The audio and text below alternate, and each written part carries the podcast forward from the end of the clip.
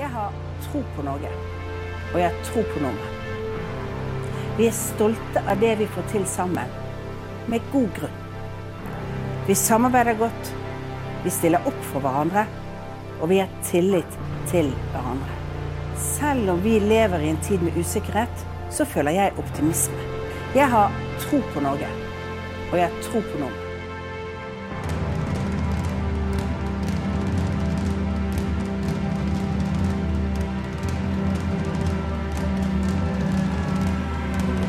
Er et hysteri?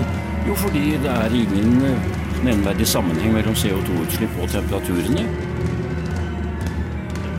et politisk syn. Ja, og det er og det, å støtte distriktene Nei. og støtte en Eh, desentralisert Det som er det hvor da eiendom er, nødt, er blitt dømt til å bli sentralisert i hendene til visse mennesker. Det har jo vært en, en voldsom prisutvikling over så lang tid. Det er businessmenn eh, som egentlig får eh, lønningsposen sin hver eh, måned, men som på kokain for å klare å opprettholde presset i jobbsituasjonen. I fremtidens samfunn hvor eh, sannsynligvis iallfall en del jobber vil forsvinne, og i hvert fall jobbmarkedet blir mer usikkert. For Norge å kjempe for å redusere bruk av olje og gass som vi lever av å selge.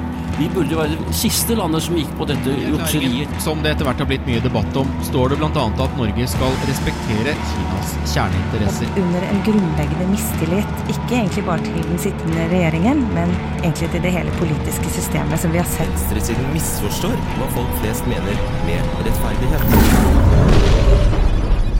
Kapitalen, Radio Nova. Velkommen til denne eksklusive spesialsendingen av Kapitalen. Vi har hatt sendinger om mange spennende temaer denne sesongen, og skal nå ha en mer praktisk utforskende sending. Det er én ting å bare snakke om temaene, noe helt annet å prøve de ut i praksis. I dag skal vi rett og slett teste ulike ting som har med sendingstemaene å gjøre. Føle temaene ordentlig på kroppen, som det heter. Med meg for å gjøre dette har jeg sidekick Klaus Solbakken og tekniker Bjørnar Haugerud. Jeg heter Mari Rolfsdatter Aspen, og dette, dette er Kapitalen tester spesial.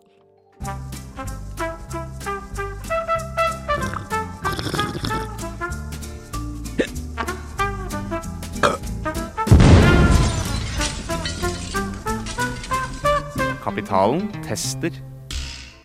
I sendingen vi hadde om høyreekstremisme denne sesongen, så diskuterte vi hvordan høyreekstremisme blomstrer opp, og hva som egentlig skjer rundt om i Europa, og ikke minst i vårt eget land. Lærte du noe nytt av denne sendingen, Klaus? Ja, jeg fikk mye herlig innsikt her, altså. Vi hadde en veldig kul gjest fra Antirasistisk eh, Senter som dukka opp og fortalte litt om hva det faktisk er som foregår. Og jeg ble vel eh, Jeg ble ganske overraska over hvor eh, mye det vokser, og hvor skummelt det faktisk er i ferd med å bli. Mm. Hva med deg? Ja, jeg òg ble jo det, og eh, særlig over på en måte voldelige ytringer eller oppfordring til vold, da. Og det syns jeg jo ikke er noe bra.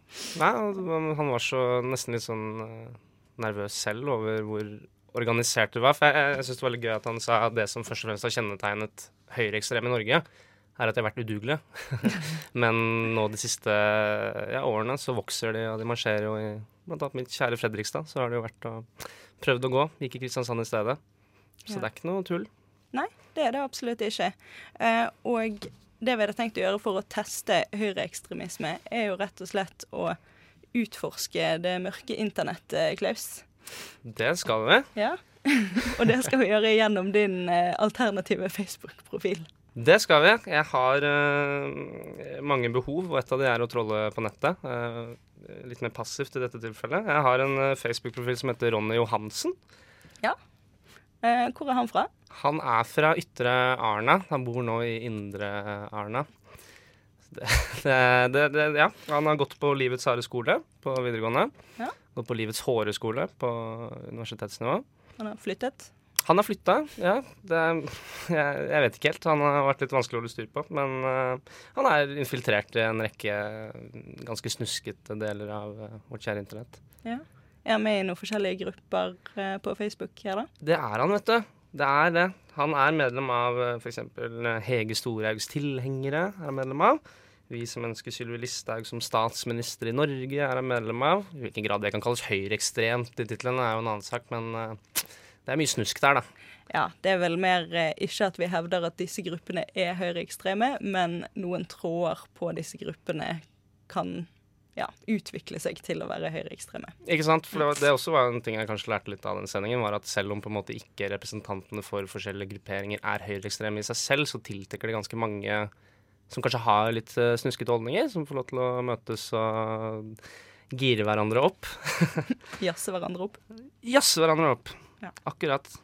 Så her, eh, nå har jeg den faktisk eh, for meg. Jeg fikk jo faktisk en venneforespørsel i stad også, på den Ja. profilen. Hyggelig. Ja, vi skal få holde de anonyme, da, men det er da en uh, tittel eh, som Alliansen har lagt ut. Det er dette i utgangspunktet anti-EØS-partiet som uh, utvikla seg til å bli et sånt uh, Donald Trump-fanklubb, var det ikke det? Ja, jeg har ikke hørt om de. Han er Hans Lysglimt Johansen Har du ikke hørt om det? Nei. Nei, han er en herlig type. Han var Trump-supporter under valgkampen i USA, da. Var med på debatten, tror jeg, og litt sånn uh, forskjellig. Ja, han har starta sitt eget parti. De gikk rundt på Blindern og samla underskrifter. Og oh, ja, såpass, ja. Så de har kommet til Norge og er på G. ja, det er et parti. De, de ble jo angrepet under valgkampen i Norge nå, på stand. Han sjølveste Lysglimt. Å nei? Det er jo litt, det er jo ikke så hyggelig. Det er ikke det. Nei. Eh, så der er det en som heter Om islam. Der er det en, eh, en video som blir delt. Så er det jo mye Mye snusk nedover her. Eh, skal vi se om jeg finner noe skikkelig snusk. Alle gode krefter må samles mot islam. Gå inn på siden og lik. Her er det altså linka til folkeavstemning mot islam. Så der har de bestemt seg på forhånd. Er det mange som liker denne siden, eller går det an å se det? Det er 110 følgere og 109 som liker det. Eh, skal vi se, nå er det 111. Ekstreme mengder. Så skal vi se, nei til islam. Håper alle som har likt denne siden vil melde seg inn i gruppen Folkeavstemning mot islam. Der kan vi som støtter et samfunn uten islam diskutere det vi ønsker. Velkommen til alle norske patrioter. Å ja. Søk og lik. Det var en ny, eh, vri på det. Men så de kaller seg for norske patrioter, altså. Ja, de gjør det. Ja. Så patriotisme er rett og slett å være fremmedfiendtlig? Det er det det er, i hvert fall i Norge, kanskje. Eller islamfiendtlig, da. De bruker søk og lik hele veien her. Det er, det er også ganske fascinerende. Det er Grammatikknivået på de, de sidene. Det er helt utrolig. Ja. Livets harde skole tror jeg ikke har de beste norsklærerne, altså. Nei. det overrasker meg egentlig ikke. Nei. Det gjør ikke det. Men søk og lik, er det det nye lik og del? Jeg tror kanskje det. Jeg vet ikke helt hva det betyr. Nei. Kan du tenke deg hva det betyr? Søk og lik. Nei. Egentlig ikke. Altså at man skal søke opp eh, gruppen og like den, eller søke opp sider og like den. Nei. Kanskje det? Skal vi se på Sylvi Listhaug som statsminister i Norge, kanskje? For det hadde vært interessant, for hun har jo vært ganske flink til å gå ut mot de som har vært mest ekstreme, og faktisk tatt avstand fra det. Helt klart. Men allikevel så hoper de seg opp uh, rundt omkring i mørket og, og prater. Skal vi se her. Her er det oppover. Og, og det er også ganske interessant at de, de velger å skrive veldig mye om IS, og at de som faktisk kommer tilbake, ikke angrer etter at de har vært der. At de er glade og fornøyde etter å ha kommet tilbake dit og egentlig savner det. Så det er liksom stikk i strid med alt annet som uh, blir lest. At de som kommer tilbake fra hvor, tenker du nå? Nei, Altså- fra, fra IS, da. Ja. At de, fordi jeg syns det støtt og stadig dukker opp bøker om uh, kvinner og menn som forteller sine skrekkhistorier derfra. Men her kommer det altså gledeshistoriene, og de kommer fra de som er imot dem. Dette er spennende saker. Og så er det jo mye henvisninger til uh, kriminelle ting som har skjedd, da, spesielt rundt omkring i Oslo. Ja. Knivstikkinger og, og det ene og det andre. Og så er det dette hatet mot Arbeiderpartiet, da. Det fascinerer meg. Hvorfor det? Eh, Det er jo fordi at jeg skjønner ikke helt egentlig hvor det kommer fra, og hvordan det går an å hate Arbeiderpartiet så sterkt. da. At jeg forstår ikke hva man skal hate de for. Nei? Eh, på en måte, Jeg syns at de forholder seg relativt nøytrale i ganske mange saker, og er liksom på midten, på en måte. da. Det er De moderasjon ikke- på steroider. Jeg skjønner ikke hvordan det går an å hate de. Nei, jeg forstår ikke det sjøl. At altså Nei, fordi at de er så moderate og liksom i sentrum, da. Og så har det kommet masse, masse hat mot det når man kanskje heller burde hate liksom Altså den radikale venstresiden, da, hvis man skal si det. Jeg synes det er rart. Det kan jo hende at de frykter sånn som det har gått i Singapore. da. At det blir sånn sosialdemokratisk eh, diktatur. Det er ganske interessant. Jeg tror ikke de gjør det. Jeg tror ikke de veit heller, kanskje, ofte. at det er sånn i Singapore. Jeg vet ikke. Er det, er det det som uttalte en ting på de Facebook-gruppene, at folk eh, frykter sosialdemokratisk diktatur? Ja, jeg syns det. Når de bruker sosialdemokratisk, så bruker de det sånn åpenbart negativt. Jeg syns det er en ganske herlig betegnelse som er ganske problematisk, men den er ganske fin i seg selv. Men eh, ja, jeg veit ikke hvis jeg skulle lagd sånne fancy clip art-tegninger for å irritere meg over å hate, så er det ikke Støre og Raymond Johansen jeg først og fremst eh, går etter. Nei, for jeg forstår ikke helt hvor det kommer fra. Er det det at de er størst, liksom, og at de da representerer venstresiden med å være de største, på en måte, på den siden? I den grad jeg representerer venstresiden. Altså, jeg føler det er mye, det er mye snusk på venstresiden i Norge, og det er ikke Arbeiderpartiet først og fremst, de er også moderate. Nei. Men, men. Føler ikke de truer Altså, jeg har vel lest noen ting om at de truer demokratiet og eh, Norge generelt og er liksom en trussel. Jeg ser ikke på Jonas Gahr Støre som en trussel, egentlig. Gjør ikke det? Nei. Nei. Gjør ikke. Her håper dersom Sylvia Listhaug blir statsminister at hun kan gjøre noe med dette. Så er det bilde av en muslim. Sylvia. Det Ja, er Sylvia, ja. faktisk, ja. Ja. Erna Solberg er bekymret for vår motstand mot islam. Jeg er mer bekymret for Erna sin naive. Og de får en massiv eh, respons. Det også er ganske interessant. OK, hvor mange likes er det på dette? 600 er det på denne Dette bare et sånt bilde som ble posta i går, altså for under 12 timer siden. Så ble det posta et bilde. 600 likes og 134 kommentarer og 76 delinger. Shit. Det er helt utrolig. Yes, da skal vi ta og høre en sang, og den er fra Ni grader nord og heter Hymnen.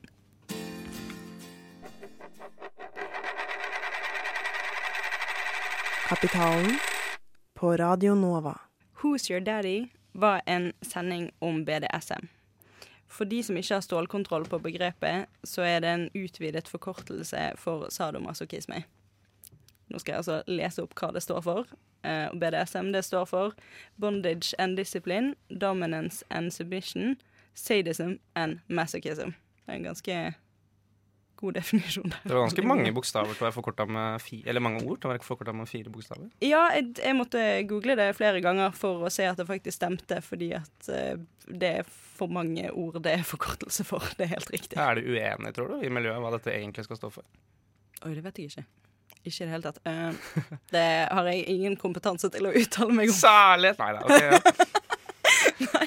Men eh, eh, det som sto der, var liksom at BD sto for Bondage and Discipline, og så har du DS i BDSM står for Dominance and Submission. Så de har bare kortet det sånn at de slipper å skrive bokstavene to ganger. Så egentlig er det BDSM? Ja. Mm, ja. BDDSSM. Ja. Ja. På en måte. Ikke like sexy. Ja da. Um, og eh, du var jo med på den sendingen, eh, Klaus. Det var jeg. Jeg var så heldig å være programleder. Ja. Så det var kjempegøy. Da lærte vi jo mye nytt om et eh, ja, et stigma som man kanskje skulle tro var eh, borte fra seksuelle preferanser i dagens samfunn. Ja, for det var definert som en sykdom fram til ganske nylig. Jeg tror det var bare tre-fire år siden at, eh, at det var en sykdom at eh, det kan være feil dette her, men jeg, jeg tror at det faktisk står på WHOs eh, sin liste over eh, psykiske lidelser. Ja, På samme måte som homofili var. Eh, og det er jo også fortsatt ikke noe, på en måte, noe forsikring Altså, det, det er jo ikke håndhevet noe forbud mot det, men det har vist seg at eh, man kan tape rettssaker basert på at man har utøvd det, og bli straffa for det. Så det er noe det er, det er ganske spesielt, da. Men hvis man har utført det mot noen som kanskje ikke samtykket, da eventuelt? Nei. Nei. Nei, for det er jo en voldtekt. Ja, for det Eh, vil jo på en måte det, Den skjønner jeg. Ja, nei, det er mer det å i det hele tatt kunne påføre smerte. Da var det noen sånne ekstremtilfeller, annet noen i Sverige var det en stor rettssak hvor noen hadde da eh, faktisk torturert hverandre. Men at det var med samtykke, at det var fullstendig eksplisitt, at det var samtykke inni bildet der. Det var eh, ordentlige folk som gjorde det, men de, der tror jeg det falt en dom. Ja. Så ja, det er komplisert. Ja, det er det. Fordi Ja, jeg vet ikke helt hva jeg skal mene om det sjøl. Fordi at jeg skjønner at det ikke er lov til å torturere hverandre selv om man samtykker til det. Det er jo heller ikke lov til å Det er spørsmålet hva er tortur igjen, liksom. ikke sant? Ja. Fordi, ja, det er det som er dumt med jus. det er så objektivt. Så er, eh, men, men lærte masse. og Jeg hadde en eh, herlig gjest fra, som var seksologistudent. Mm. Som hadde ganske mye snacks eh, informasjon å by på. Så jeg følte meg som et åpnere og herligere menneske da jeg gikk ut derfra. Det er Bedre kan såpass. det ikke bli. Hørte du sendingen? Ja. Ja, Hva syns du? Jeg syns den var veldig interessant.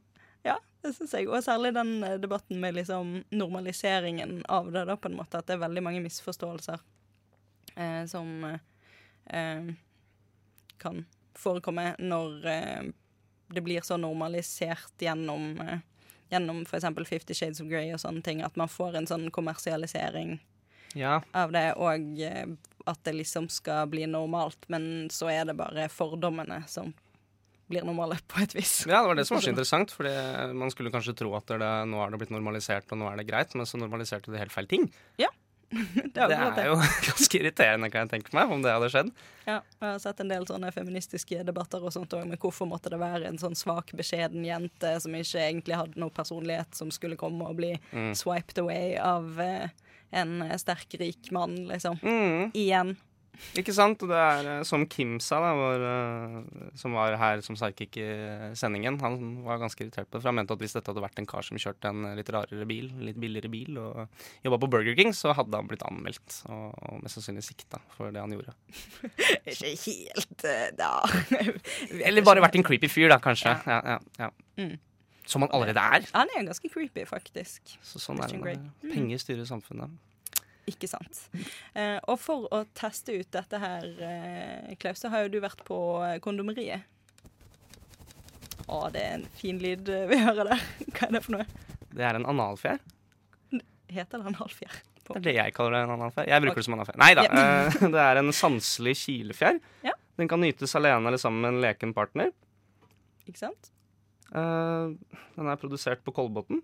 Nei, i Kina. Den er distribuert fra Kolbotn. Ja. Så enda en vakker ting Kina har gitt oss, er da analfjær. Uh, det er ikke den jeg først og fremst hadde tenkt at vi skulle teste. Den var bare mer morsom å ha, men jeg har vært en tur og kjøpt uh, noen saker her. Fordi BDSM er jo da, som vi lærte, ikke BDSM uten verktøy. Nei. Så det jeg har kjøpt her, for den nette sum av 149 kroner, Ja. er Fetish Fantasy Golds nipple clamps. Nipple clamps. Trademark. Jeg kan lese hva som står bakpå. Ja. Hvilken engelsk dialekt vil du at jeg skal ha? Kan jeg ha min egen? New Nei, jeg orker ikke. Jeg vil ikke. Make your nipples perk with pleasure with these elegant nipple clamps. Made with durable metal clips and covered in soft rubber liners for exceptional comfort. These clamps are perfect for beginners mhm, and fetish enthusiasts alike. The amount of pressure you apply to the nipple is adjustable using the stem screw. With each movement of the chain, the clamps gently stimulate your nipples for incredible sensations. Det høres jo veldig bra ut. Og hvem tenkte du at skulle teste disse da, Glaus? Nei, jeg har jo betalt, så jeg akter ikke å teste noe som helst. Nei. Ehm, så jeg hadde håpa at du kunne stille til unnsetning uh... Marit? Meg? Ja. Ja. Skal jeg redde deg, Mari? Ja, du kan gjøre Ja, det. vi en Her har du en surprise. Har vi en tekniker som er til unnsetning? Er til unnsetning. Komme gi litt teknisk, fysisk assistanse. Ja, Kom her, da, med klypesakene, Klaus. Det skal jeg gjøre. Har du erfaring med dette fra før, eh, Bjørnar? Nei, men uh, enduro smerter ganske bra. Nei. Nei, ja. Da, Da er det bare å kle av seg. Bjørnar. Ja. Vil du uh, sette de på, eller? Ja. Ja. Pa pass opp for de håra der, at du ikke river av. Å, hei, hei, hei. Ha to? Ja, få meg på. Oh la la. Jeg vet ikke, er det vondt? Nei, det her er, det er ikke særlig vondt, egentlig. Nei, for jeg Det- det- testet de i ørene i sted, og da smerten synker inn etter en stund. Det er uh, tirrende. Se her, ja. Der kommer fjæra. ja, det var deilig. Tusen takk, Klaus. Men uh, Nei, det var egentlig uh, Kanskje vi skal prøve å stramme dem ytterligere? Ja, er det mulig? Ja, er det mulig å Er gjøre det det? var det alt? Kanskje du har for små nipler? Å, herre, det der er jo så dritskarpt ut, da. Det-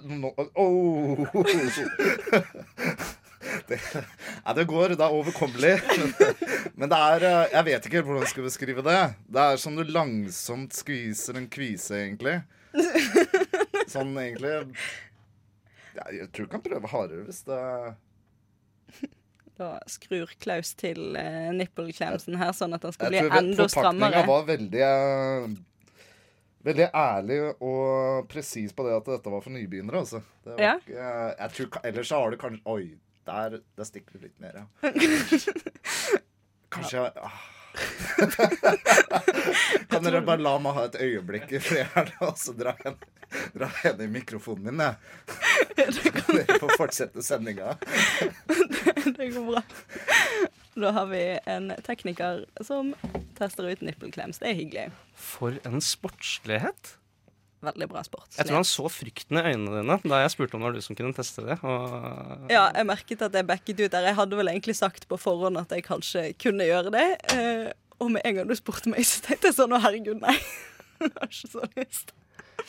Nei, men da har vi fått testa det ut. Og hvis det er dette som er BDSM, Bjørnar, er det, er det noe du kunne gjort i senga? Dette er veldig soft BDSM-stil. Litt sånn koselig, fin start på det. Mhm. Hva tenker du er det, den harde fortsettelsen? Eller den grusomme slutten? Nei, det blir vel å bli tråkka på ryggen med høyhælte sko, tror jeg. Oh, ja. Mm. Og kanskje noe urin. Sorry. Ja, nei. Altså, du spurte? Ja, jeg gjorde det. Hva med, hva med deg, Klaus? Jeg har vært altfor mye på 4chan øh, og altfor mye på disse Gore-sidene i min oppvekst til å, til å kunne uttale meg om det, tror jeg. Okay. Jeg tror jeg, jeg, tror jeg, er, jeg tror jeg er immun. Ja. Men øh, ja. Det er ingenting som er så undertrykkende som døden, da. Nei, du har en dødsfascinasjon? Jeg har ikke det. Ne- Nei? Nei. Nei. Nei, jeg har ikke det. Men det kan jo hende noen har det. Ja, kanskje. Um, Men det er jo noe helt annet å se det på 4chan og på nettforumer enn å liksom gjøre det sjøl, da, kanskje. Det kan hende. Jeg, jeg, jeg tror ikke jeg hadde likt noen av det. Jeg veit jeg ikke liker å se det på 4chan, men uh, jeg, jeg tror man kan dra det mye lenger. Jeg er litt skuffa over at det ikke gjorde vondere, altså, kan jeg si. Men det, der, der kom sadomasochisten i meg frem. Sånn går det når du kjøper nippelklems til 149 kroner for nybegynnere. For de har jo disse BDSM Nei, jeg mener uh, Fifty Shades of Grey-settet. Og det kosta faen 400 kroner. Men tror ikke du det er pga. merkenavn og ikke pga. at de er veldig effektfulle, tror ikke du det? Nei, jeg føler altså hvis man skal den- Denne konstruksjonen kunne jeg jo lagd hjemme. Det er ikke en veldig avansert konstruksjon. Kan vi se om vi kan lage noe strømledende som vi kan på en måte koble til den kjettingen, og så får jeg litt ekstra stimulanse? Det kan vi gjøre. I pausen. Tror du vi finner noe? Kanskje. Ja. Kanskje. Tror du klesklyper hadde gjort vondere? Nei. Yes, Da skal vi høre en eh, sang til. Eh, og den er av et band som heter Hell. Valgte jeg å uttale det som. Eh, sangen heter Fluid. How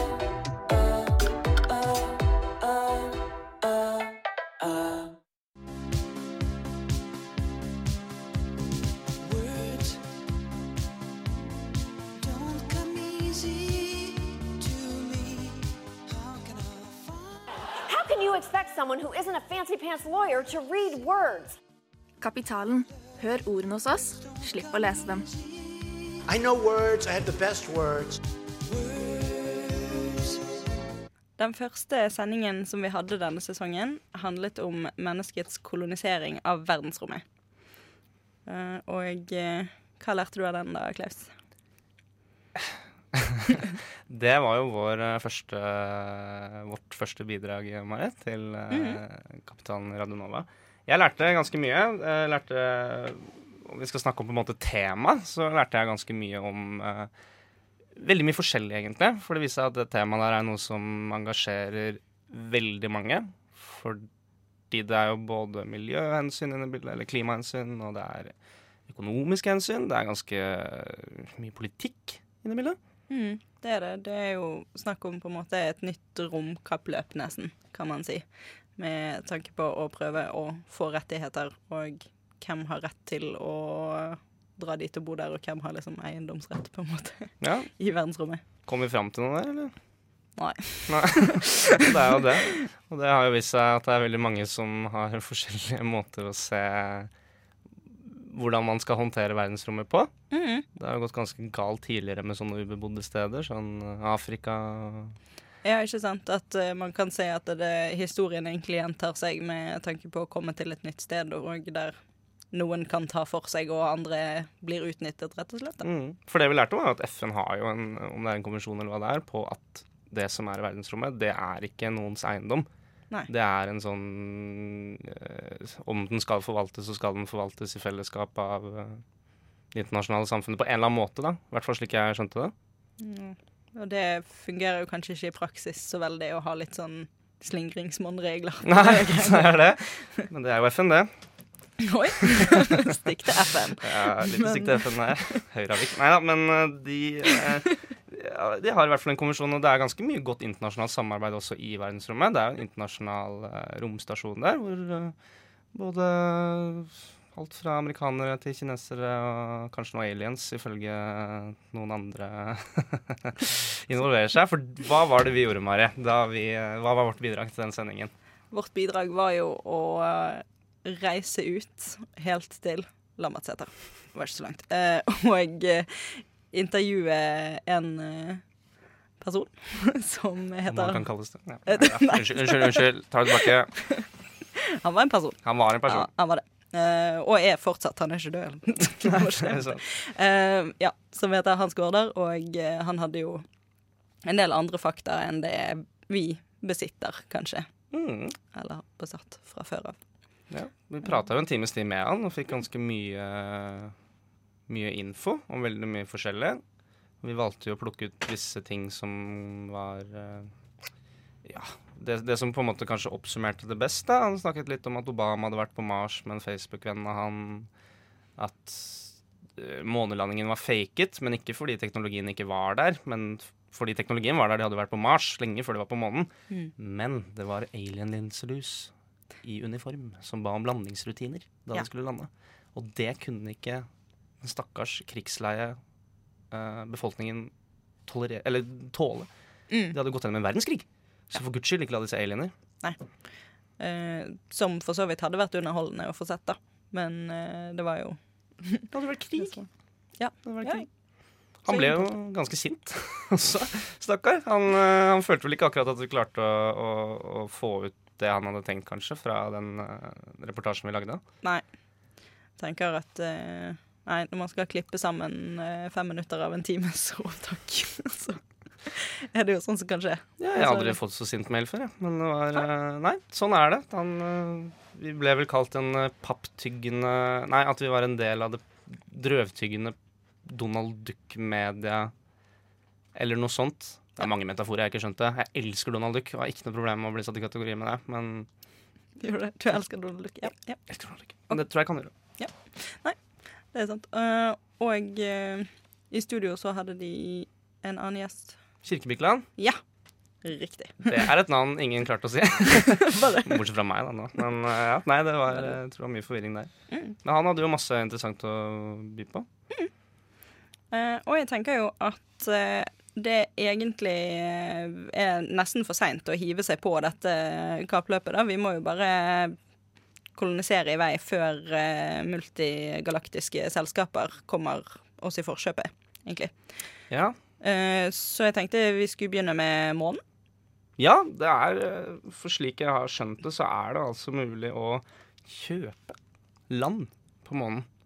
Jeg er giret. Jeg vil det. Du vil det? Ja. Du får til og med et diplom eller et sertifikat eller hva det nå kalles, hvor det står 'I own land on the moon'. Det liker jeg. Jeg vil henge det på veggen. Jeg vil være stolt av det. Fortelle om det på fest. Mhm. Hvor mye tror du du må ut med for å kjøpe en acre? Hvor mye er en acre? Ja, hvor mye er en acre? Fordi at det Teknikere vet ikke. Tekniker rister hardt på hodet sitt. eh, Jeg skal faktisk finne ut hvor mye en acre er. Ja, I mellomtiden så kan jo jeg eh, fortelle hvor mye en acre koster.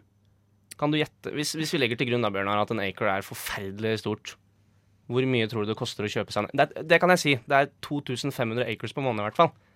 Hvor- 2500. Ifølge denne siden. Hvor, mange, hvor mye tror du du må ut med for en 2500-del av måneden? Altså, Jeg regner med at det uansett ikke er høyere enn eh, kvadratprisen på en leilighet eh, på Frogner. Nei, Så, det- um, um, Nei, jeg regner med kanskje må ut for um, 900 000 kroner, da. 20 euro. 20 euro. 20 euro koster en acre. Ja. Er dette First Price uh, Acre? er det sånn kvalitet på den sanden som er på månen? Faktisk- månestøv, da, vil jeg kalle det. Kanskje ikke sand. Nei, jeg veit ikke. Du, du får tildelt en tilfeldig bit som, er, eh, som ligger der ute. Og den kan du kose deg med. En acre er da 4000 Litt over 4000 square meters. Så det er kvadratmeter? Ja. Så litt høyere enn uh, kvadratmeterprisen på Frogner, uh, Bjørnar. Ja, ja, ok. Er det det? Ja. Ja, det må da for guds skyld. Nei, altså billigere, da. Ja, Nei, er billigere, billigere. billigere. Ja, ja, ja. Beklager. Ja, ja, ja. Her er ikke økonomer som sitter her, nei. Det er ganske mye billigere, men det er jo på en måte en litt sånn Jeg har jo hørt om mange som kjøper seg inn i eh, eh, altså nybygg. At de kjøper en leilighet nå som skal være ferdig i 2021 f.eks. Mens her er det jo litt mer usikkert når man kjøper land på månen. Eh, og da vet man jo ikke helt når eh, når man står ferdig, eller når den står ferdig, da. Nei, det er det. Når man kan flytte dit, rett og slett. Men det er altså bare et visa, en uh, firesifra visakode unna, så eier du det. Du får faktisk kjøpt det. Du kan velge Altså her er det buy, buy one moonacre, buy ten moonacres, buy more moonacres, eller buy VIP. Kan du ha VIP Hvordan har de bestemt hva som er VIP på månen?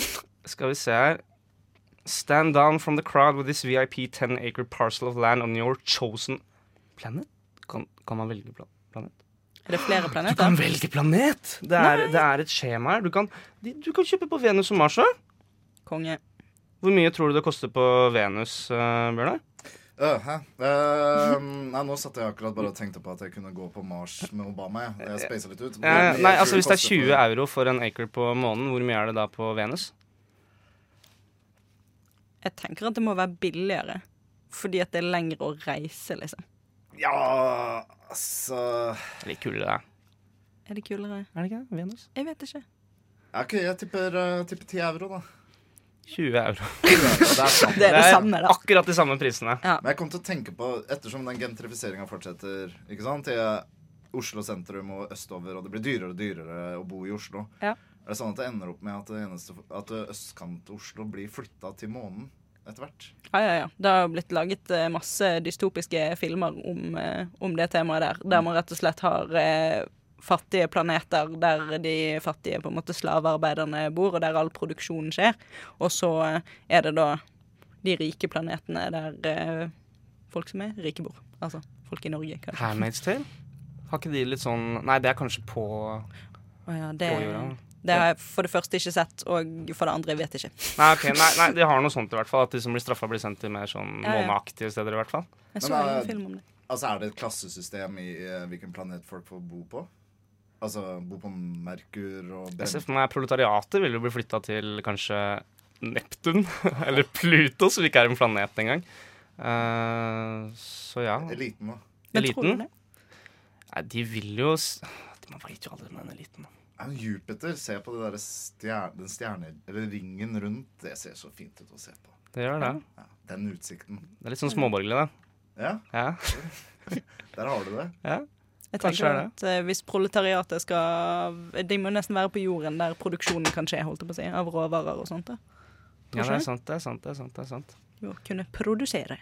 Men der har vi i hvert fall, Da kan du faktisk gå inn og kjøpe. Det er uh, VIP-package, men eh, det som fant jeg ut at det det går ut på, er at du får et litt kulere diplom, en litt kulere ramme, å, å henge det inn i. OK. Og til samme pris, så det er jo fett. Og det er jo The Lunar Embassy som står for dette her, som eh, sendte en ganske heftig mail til, eller hva, det nå enn var, til, eh, til FN. Ja. Og krevde da at de skulle få krav på dette. Og det er det veldig mange som har gjort. Det var kun Russland eh, på den tiden som eh, godkjente dette, ifølge Wikipedia. Så jeg antar at det var Jeltsin som var blanda inn der. Jeg kan ikke se noe annet. Eh, men det er fullt mulig å kjøpe seg litt land. Lykke til med det. Da eh, vet alle fremgangsmåten. Så her er det bare å kjøre på, rett og slett. Koster ikke så mye. Ja, Nå skal vi høre Pikekyss med 'Vi burde danse'.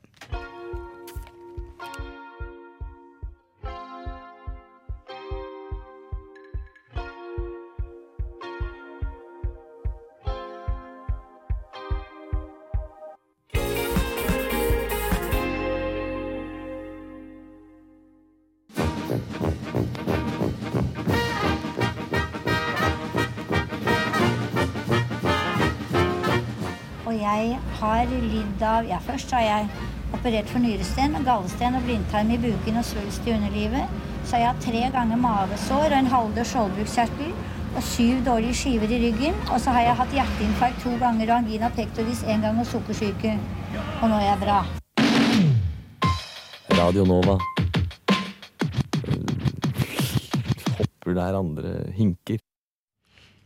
Ja, I forrige sending av Kapitalen så prøvde vi å finne ut eh, om eh, legemiddelindustrien får ufortjent mye kritikk, eller om det kanskje er litt kynisk å drive profitt på andre menneskers eh, sykdom.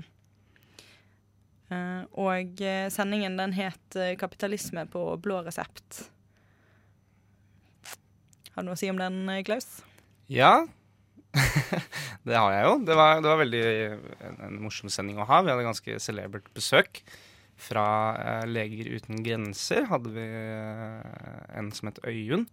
Og hun hadde ganske mye fint å si om hva som foregår internasjonalt. Eh, hun har vært mye ute i felt og er engasjert i saker om i hvilken grad altså fattige har tilgang på medisiner, patentering av ganske viktige medisiner som tuberkulosemedisiner. Og så hadde vi også faktisk en fra legemiddelindustrien, som er en bransjeorganisasjon som har kalt seg for det de representerer. Ja. Og det var ei dame som var seniorrådgiver der, og de hadde en ganske spennende debatt. Mm. Det ble ganske heftig til tider òg, Ja. spør du meg. Det ble en eh, god diskusjon der eh, de var ganske uenige. De var det. Ja. De snakket mye om Det var spesielt en case da, som vi hadde sett på litt på forhånd. Som var eh, en case om et eh, Det var A-magasinet i utgangspunktet som hadde skrevet om den. Som handla om eh, en, et preparat mot tarmkreft. Ja. Som det viste seg at kunne fungere mot øyesykdom. Som da ble ufattelig mye billigere, for du trengte så mye mindre volum. Hvor det de hadde, altså Diverse leger hadde begynt å bruke det mot øyesykdom.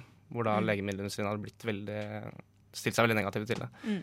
Og skikkelig konspiratorisk med ene etter det andre. Det tok vi ikke så mye opp, da, men det endte med bl.a. at det var noen fra et legemiddelselskap som eh, reiste rundt på eldresenter sammen med en sånn eh, forening for eldre, interesseorganisasjon for eldre, og brukte de som en sånn eh, et sted å få ut meningene sine på, da, hvor de reiste rundt fra eldresenter til eldresenter og, og betalte ganske mye penger og ganske fine konferanser. Og, og de som hadde vært med på det, kalte det for litt sånn vekkelsesseremonier, hvor de klappet og holdt på.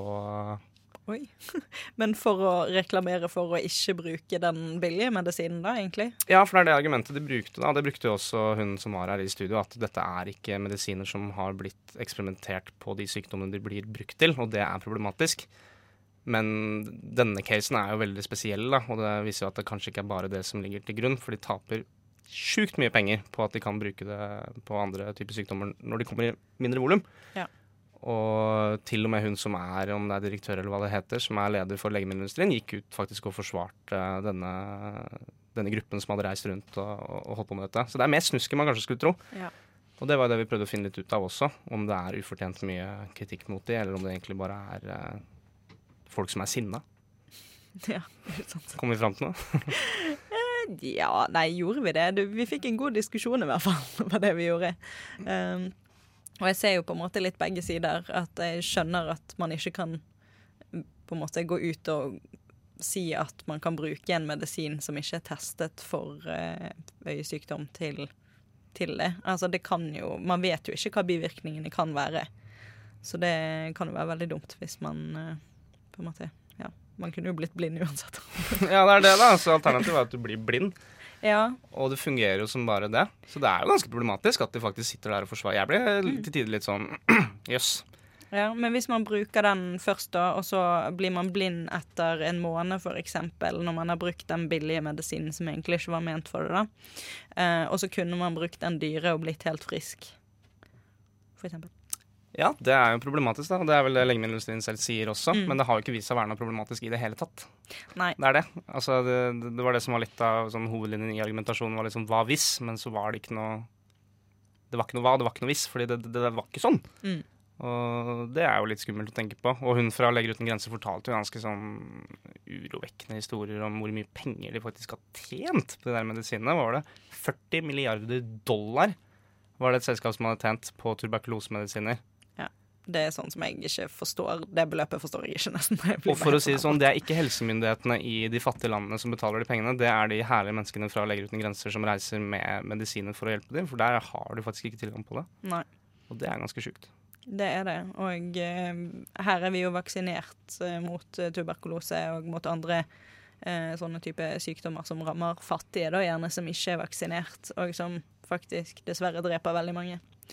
Eh, det faktisk eh, Eller ikke fun fact, men fact som ikke er fun, er det at eh, dødsårsaken til barn under fem, da eh, Hoveddødsårsaken, vet du hva det er, Klaus? Nei? Diaré. Ja, ikke sant? Og det er òg tuberkulose og sånne type sykdommer som lett kunne vært forhindret, da, rett og slett.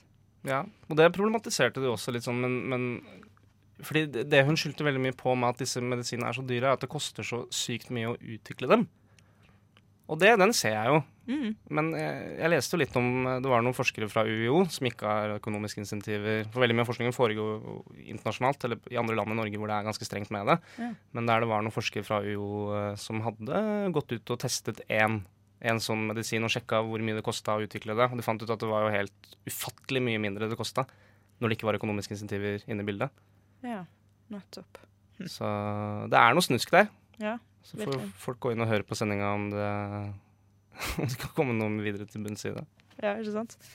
Ja, det Nei, jeg skjønner at det, det er ikke Det er litt snuskete. Det er jeg helt enig i. Mm. Det er noe med å drive profitt på liksom, helseting som kanskje ikke er så ja, positivt. Og igjen så er folk som sinna hele tiden, og de kritiserer alt mulig herfra til eh, ja, Mars, da, Venus og månen og der de er i land. Og det er jo Det var det vi prøvde å finne litt ut av. Er det, er det kritikken er den eh, berettiget, eller er det bare folk som er sinte? Mm. Jeg kan vel konkludere med at jeg syns den er ganske berettiget, i hvert fall eh, sånn den ser ut nå. Mm, I hvert fall deler av den. Jeg er helt enig i det. Mm. Bare prøvde å spille djevelens advokat. som Ja, ikke sant? Jeg er god på det. Ja. jeg er veldig god på det. Um, jo um, I den forbindelsen her, da, så hadde vi jo tenkt å teste et legemiddel, rett og slett. Hva for noen snacks er det du har med deg i dag, da? Jeg har med meg noe veldig kult. Det kan være at noen kanskje kjenner til dette legemiddelet. Oi. Ja, det kan brukes eh, som smertestillende og febernedsettende, står det her. OK. Kanskje noen har hørt om det? Paracet heter det. Ja. ja. Åh, kan vi se på bivirkningene? Det syns jeg alltid er så gøy. Ja. Vær så god. En veldig fin liten lapp som ligger inni denne Paracet-boksen. Skal vi se her Er det ikke, er det ikke bivirkninger på den? Jo, det må det jo være. Nei, jeg tror ikke det er noe. Det er ikke bivirkninger? Jo, det er jo Jeg trodde alle virkninger på en måte var bivirkninger. Der, ja. Um, um, um, um. Overfølsomhetsreaksjoner, allergiske hudreaksjoner som utslett, redusert antall hvite blodlegemer og blodplater, blodmangel, anemi, påvirkninger av leverfunksjon. Det har blitt rapportert om svært sjeldne tilfeller av alvorlige hudreaksjoner. Leverpåvirkning ved bruk av paracetamol har oppstått ved alkoholmisbruk. Herregud, jeg tør ikke. Du gjør ikke det, nei? Men du har ikke noe valg. Nei. Det er det. Men er det stikkpiller vi har her, eller er det mikstur? Nei, det er mikstur. Jeg bare leser. Det er ikke mikstur. Don't shoot the messenger. Nei, eh, det er Det står 20 tabletter. Det står faktisk ikke hvordan man skal eh, eh, Hvordan man skal innta de, holdt jeg på å si. Hvordan gjør vi det da? Nei, jeg vurderte jo å sniffe det, men feiget skikkelig, skikkelig ut, for jeg har aldri sniffet noe før da i livet. Så oralt, tenker jeg. Oralt Jeg kan jo kanskje prøve å sniffe litt, jeg, da, hvis det er uh... Ja, da må du i så fall mose de opp, fordi at de er i tablettform. Uh, OK, nei, la oss svelge litt, da. La oss poppe noen pils. Yes. Let's. Vil du ha en, Bjørnar?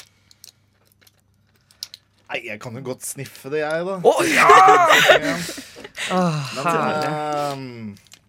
Eh, da må Ja, som Mari sier, vi må ha en mortel, holdt jeg på å si. Ja, vi, bare for mer lytternes skyld, så har vi sjekket dette ut på ung.no. Det er ikke farlig å sniffe Paracet.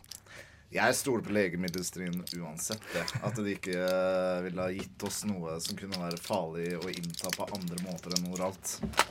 Ja, ikke sant? Ja. Nei, Altså, men det det dere ikke får frem her for å forsvare legemiddelindustrien, er jo Mm. at det gir veldig veldig mye til veldedighet. Visste dere det? Nei. Det hjelper ikke. fordi Jeg visste ikke det. Rettferdiggjører ikke i det hele tatt. Jeg prøvde å løfte opp uh, ja, sin egen PR-profil ved å gi masse, masse, masse til veldedighet. Men det hjelper ingenting. Nei. Mm. Jeg trodde Men, du skulle være eh, litt positiv her nå. Jo, nei, men altså det igjen, da. Det er eneste industrien som gir så mye til forskning, da. Men det er jo igjen for å selge noe, da. Det man Ja. hører her, er rett og slett eh, Klaus eh, som knuser uh, Paracet. Eh, nå han har brukt et vannglass til å crushe Paraceten, og nå lager han faktisk Hva heter det for noe? Sånn man, gjør med, sånn man gjør med sedler i filmer der man skal snorte kokain. Hva man gjør da? Ruller en eh, sniffe Et snifferør? Ja, altså Er det det det heter? Snorterør? Skulle helst likt å sett at det var en 500-lapp jeg gjorde dette her i, for jeg liker å konsumere eller snorte det på en godt vis, da. Det skulle også vært fra rumpen til en prostituert, men det hadde vi dessverre ikke. så-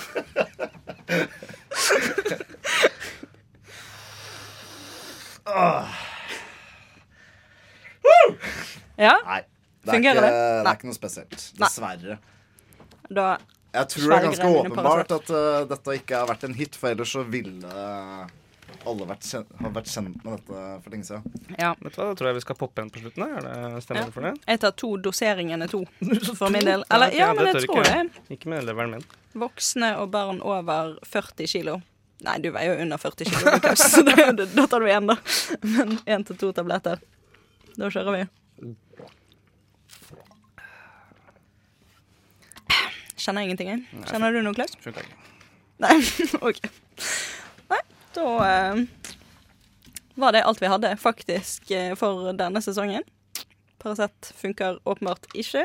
Eh, Selv om du føler eller- Ja, OK. Hvis du sniffer det, så kan det kanskje fungere. Eh, og dette er rett og slett den siste sendingen vår før vi tar sommerferie. Så da eh, høres vi etter sommeren, rett og slett. Ikke glem å like oss på Facebook.